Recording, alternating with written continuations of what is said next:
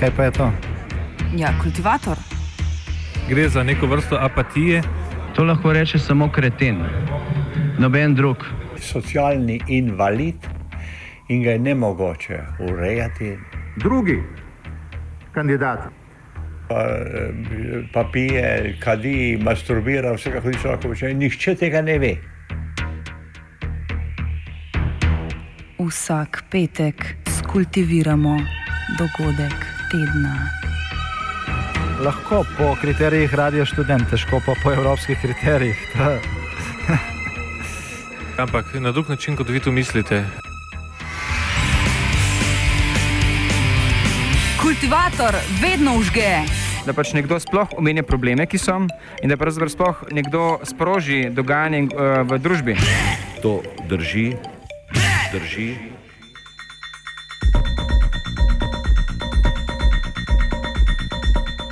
V zadnjih tednih se je v javnosti odprla vrsta debat, katerim je v duhu prihajajočega žen dneva žensk skupna tematika spola. Spraševalo se je o festivalu za spodbujevanje ženstvenosti in kaj njegov obstoj pomeni za boj za emancipacijo žensk. Govorilo se je tudi o spolu v kontekstu družinskih razmerij in pravic otrok. Opravljena je bila refleksija na vlogo državnih institucij v zagotavljanju enakosti spolov. Na ta zadnji del se bomo osredotočili v današnjem kultivatorju in sicer s pregledom prispevkov z dveh dogodkov: predstavitve idejne pobude ter posvetovalnega telesa, očetje in delodajalci v akciji in strokovnega posveta ob 50-letnici Slovenskega sociološkega društva z naslovom Kako učinkovite so državne institucije za enakost spolov.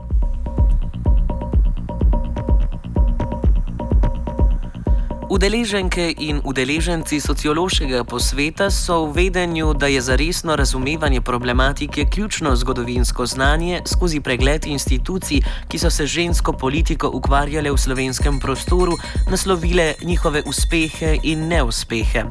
A zakaj je ženska politika sploh nekaj, kar sploh mora obstajati in zakaj tako grozeče in direktno ime? Nastanek pojasni Vlasta Jalušič, raziskovalka Mirovnega inštituta. Zakaj beseda politika? Ženska politika, ne? zakaj ženska politika? Uh, sintagma, ki smo se jo nekako skupaj izmislili in jaz sem jo izrekla in potem tudi um, na nek način argumentirala za njo že v 80-ih letih. Zakaj politika? Um, politika zato, ker smo nekako sledili znotraj še v 80-ih eh, samih socialistični, socialističnih vzorcev, zo, sredi teh socialističnih vzorcev, m, mm, neki eh, ideji o tem, da zaradi tega, ker je socialistična emancipacija žensk bila družbena emancipacija, socialna v smislu tega, da je ustvarjala na področju socialne.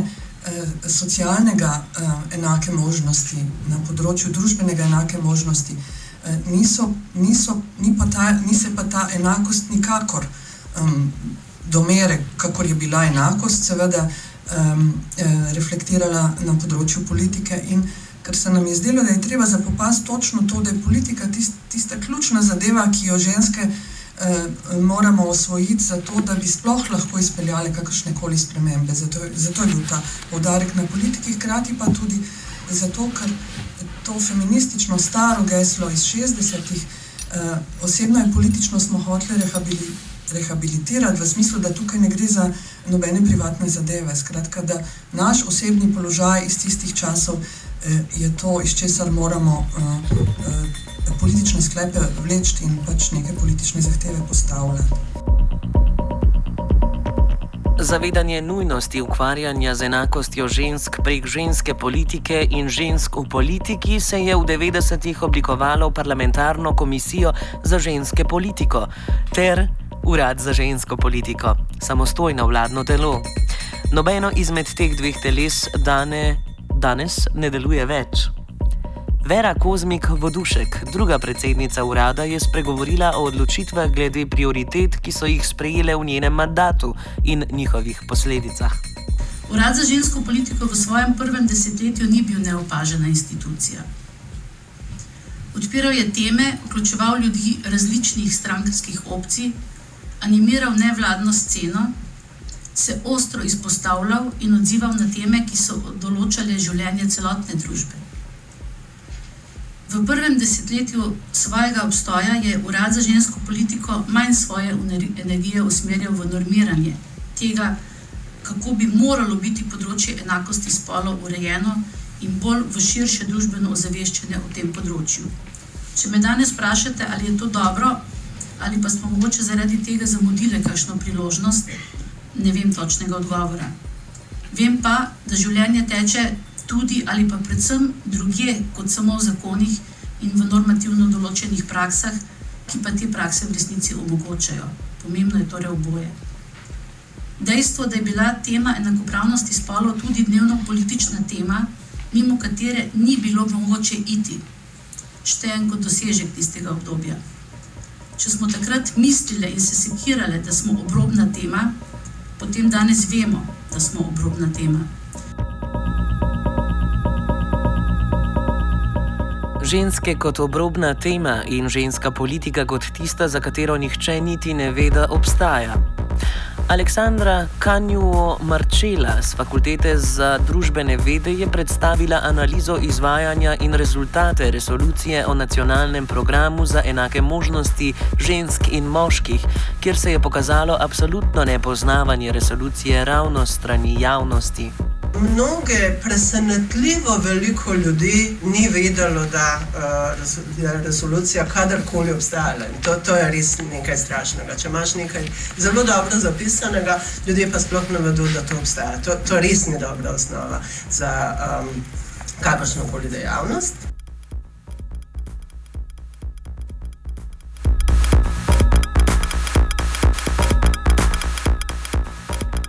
Tema se nasploh težko prebije v vsakodnevne debate, poleg tega pa se nadzor nad izvajanjem ne izvaja, pri čemer se ponovno vrnemo na dejstvo, da v Sloveniji ni državne institucije, ki bi bila namenjena neenakosti spolov in v tem primeru izvajanju resolucije.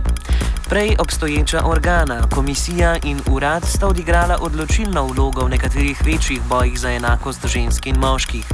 Vlasta Jalušič spomni na boj za ohranitev pravice do splava v tistem času brez tega mehanizma, ki se je imenoval, imenoval Komisija za žensko politiko, ohranitev eh, pravice do splava ne bi bila mogoča. To je bila ključna institucija, s katero uh, je bilo mogoče prodreti uh, do samega parlamenta in potem tudi uh, uh, zahteve uh, izpeljati, ki, uh, ki, ki so imele izredno močno nasprotovanje. Um, ta institucija je seveda, tako kot poznaje tudi urad, ki je nekako dediščino um, Komisije za žensko politiko prevzel. Ta institucija, in mislim, da je to bilo izjemno pomembno, je imela močne povezave z nevladnimi organizacijami oziroma s feministkami. Uh, osebne povezave, institucionalne povezave in dejansko na sejah komisije uh, smo tako aktivistke kot akademičarke neposredno sodelovali, bile smo članice, pazite, to je tisto, kar je bilo odločilno. Bile smo članice, smo glasovali na srečanjih komisije in uh, uh, takrat, ko je šlo za vprašanje, ali bo komisija podprla člen in se znotraj parlamenta borila za njega, smo mi tudi glasovali zraven.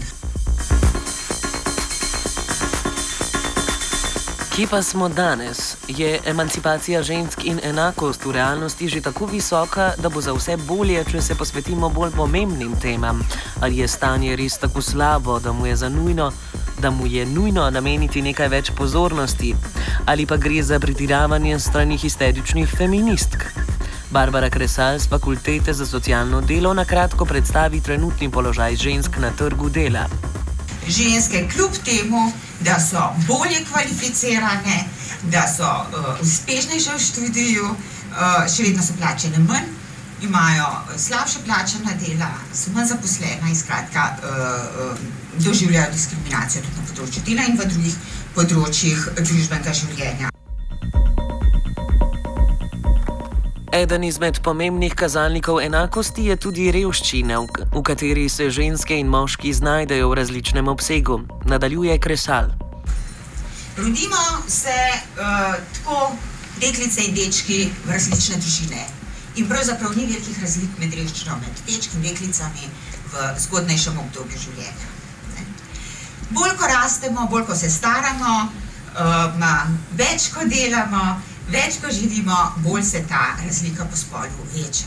Torej, s tem, ko se vključimo, ko zaključimo študij, ko se vključimo za poslitev, ko začnemo aktivno delovati, sami pridelujemo to razliko. Uh, in uh, na koncu, v um, času upokojitve, vidite, da so te razlike res zastrašujoče.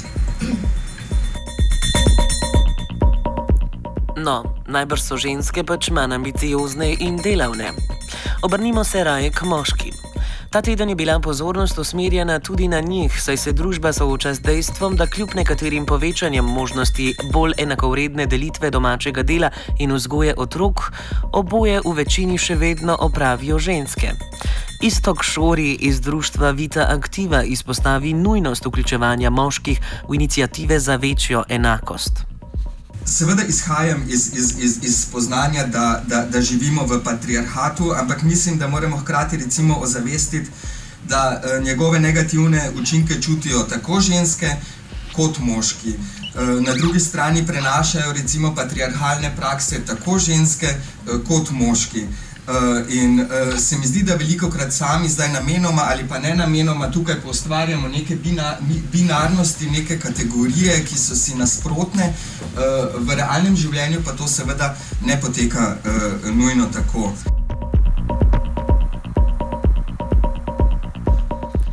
Da je to res in da so nek na nekaterih področjih zaradi družbenih pričakovanj o delovanju pri določenih življenjskih odločitvah bolj diskriminirani moški, je bilo izpostavljeno tudi na predstavitvi idejne pobude po imenu Očetje in delodajalci v akciji. V projektu bo delovalo več partnerjev, vključen pa bo tudi raziskovalni del, ki ga bo izvajala Fakulteta za družbene vede. Njena predstavnica Aleksandra Kanjuo Marčela je predstavila zgodbo, kako je sama prišla do zavedanja diskriminacije obeh spolov na trgu dela, ki poteka na različne načine. Pred leti, pred mogoče šestimi, šestimi, sedmimi leti, sem poslušala po televiziji intervju starejšega kolega z fakultete, ki je ob eh, komentiranju tega, kako živimo eh, v delovni sferi ženske in moški v Sloveniji in ob tem, da se je spremenila zakonodaja na področju starševstva, povedal nekaj, pred čem sem jaz kar strmela pred televizijo in bila strašno jezna, namreč povedal je, da so v Sloveniji moški, mlade moške, bolj diskriminirani v službah kot mlade ženske, ko se hočejo iti starševstva. In sem jaz zavedna feministka, tako je skočila v luft in jezno začela razmišljati. In pol nadaljevala razmišljati in prišla do tega, da mogoče na mojo dozo človek ima prav. Torej, da če želiš v Sloveniji, v družbi, v kateri, in je živa to že povedala, je javna sfera, sfera dela nekaj, kar absolutno ima primat pred zasebno sfero, kjer delovne obveznosti absolutno imajo primat pred vsemi ostalimi obveznostmi ali drugimi deli naših življenj. V takih okoliščinah To je ena zgodba, torej delo v službi, plačano delo, formalna zaposlitev ima večjo težo kot karkoli drugega. In druga stvar v naši družbi, katera je zelo pomembna, to je pa definiranje vlog, ustreznih, pravih, eh, pričakovanih vlog moških, žensk, eh, očetov, mam in starševstva. In ta definicija postavi moškega trdno v sfero dela in žensko trdno v sfero zasebnosti in sfero dela. Torej, tukaj je diskriminacija, tista, na katero sem jaz tako pomislila, poslušam, kdo je bolj- bolj diskriminiran. Seveda postavlja žensko v eh, težji položaj, ker mora žonglirati, ne bom rekla usklajevati, ampak kar se ukvarjati z cirkusom uh, ve, večkrat in bolj, ampak to se od nje tudi pričakuje. Od moškega pa se v glavnem pričakuje, da je popolnoma predan službi in da, če se ne da, ima še koga v ozadju, ki skrbi, da je tam v službi popoln 150 odstotkov.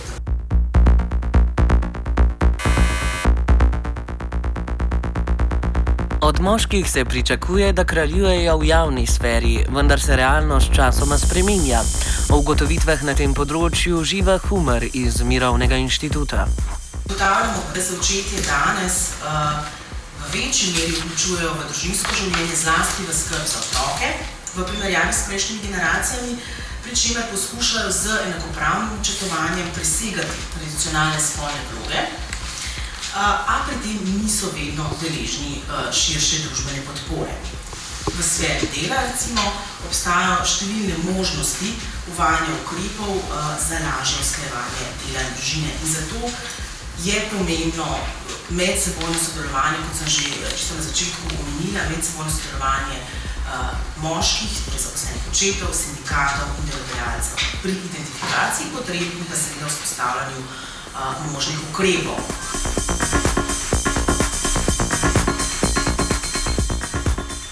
Na predstavitvi projekta, katerega cilj je premislek o sodelovanju med delodajalci in očeti, kjer sicer delodajalci niso našli časa za udeležbo, so bili predstavljeni tudi pogoji dela, ki so vedno bolj prevladujoči in zadenejo tako moške kot ženske. Več o tem Marko Funkel iz Gibanja za dostojno delo in socialno družbo. Če pogledamo situacijo v Sloveniji, približno tri četrt slovencev, mladih, ki vstopajo na trg delovne sile, so zaposleni kot fleksibilni delavci oziroma kot delavci na nestalni obliki zaposlitve. Lahko si predstavljamo, kaj to pomeni. Se pravi, to pomeni negotovost tudi pri ustvarjanju družine. Drug podatek, ki nas pa v bistvu malo skrbi, je pa to, ta povečanje samozaposlenih, se pravi, delež samozaposlenih v Sloveniji, ki predstavlja že 12% vseh zaposlenih in je najhitreje rastoč v Evropi trenutno. Če pogledamo za primerjavo recimo na, na skandinavske države, Danska ima 8% takih samozaposlenih, medtem ko če pogledamo recimo drugi ekstrem, to je pa Grčija, ne, kjer se zelo jasno kaže, kaj je naredila kriza in koliko, kak, kako, kakšne pogoje imajo delavci tam za delo, je pa ta odstotek kar 32. In to je tisto, kar nas skrbi. Se pravi, da gre Slovenija po poti večje fleksibilnosti in več samozaposlenih. Trendi so torej negativni in vsi skupaj smo soočeni s pritiski k večji fleksibilnosti delovne sile, ki ustreza predvsem delodajalcem, za, pa za zaposlene pa pomeni prekarnost. Ker so v Sloveniji tudi ženske v veliki meri vključene v trg dela, se vsi ti vplivi močno kažejo v življenjih obeh spolov, vendar pa ima poseg v zasebnost in čas izven dela učinek predvsem na ženske, ki so v večji meri odgovorne za dejavnosti v zasebnem življenju torej skrb za otrok, otroke in gospodinstvo. Nujno je torej naslavljanje problematike tako prekarizacije delovne sile, kot tudi nesorazmernega vpliva na ženske. A ravno v času, v katerem se nahajamo, so poskusi urejanja področja pogosto pozabljeni. Več o tem Aleksandra Kanjuo Marčela. Posebno poglavje, katerem moramo posvetiti pozornost, je ekonomska kriza. Torej, v ekonomski krizi je ta poskus marginalizacije, poskus vsega, kar smo slišali, da se je dogajalo tudi v prejšnjih obdobjih. Torej, kako so vedno druge prioritete bolj pomembne, to v krizi absolutno pride na površje še bolj kot uh, ponavadi. Uh, povečuje se še dodatno nevarnost, da normativni akti ostanejo res akti in so nekje v predalih in se jih ne uresničuje.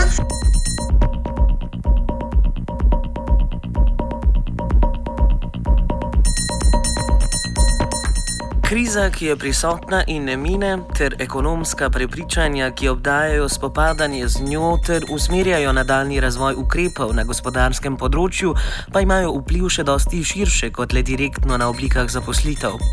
Solidarnost, tako med ženskami kot širše, okolje pogosto vse prej kot spodbuja.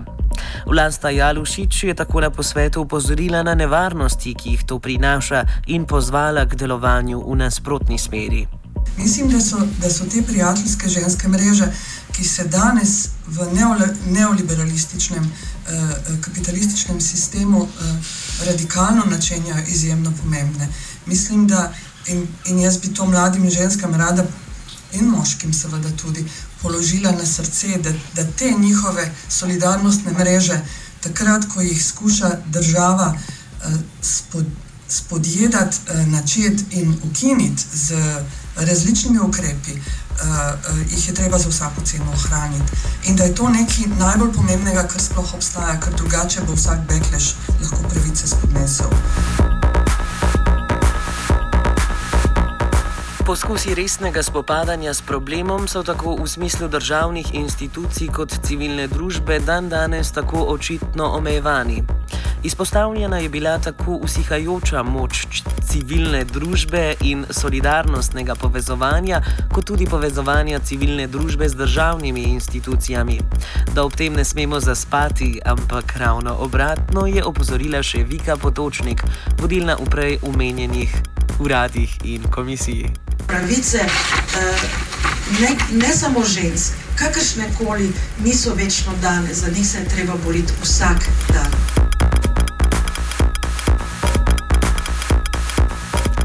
Kultivator je pripravila Zala.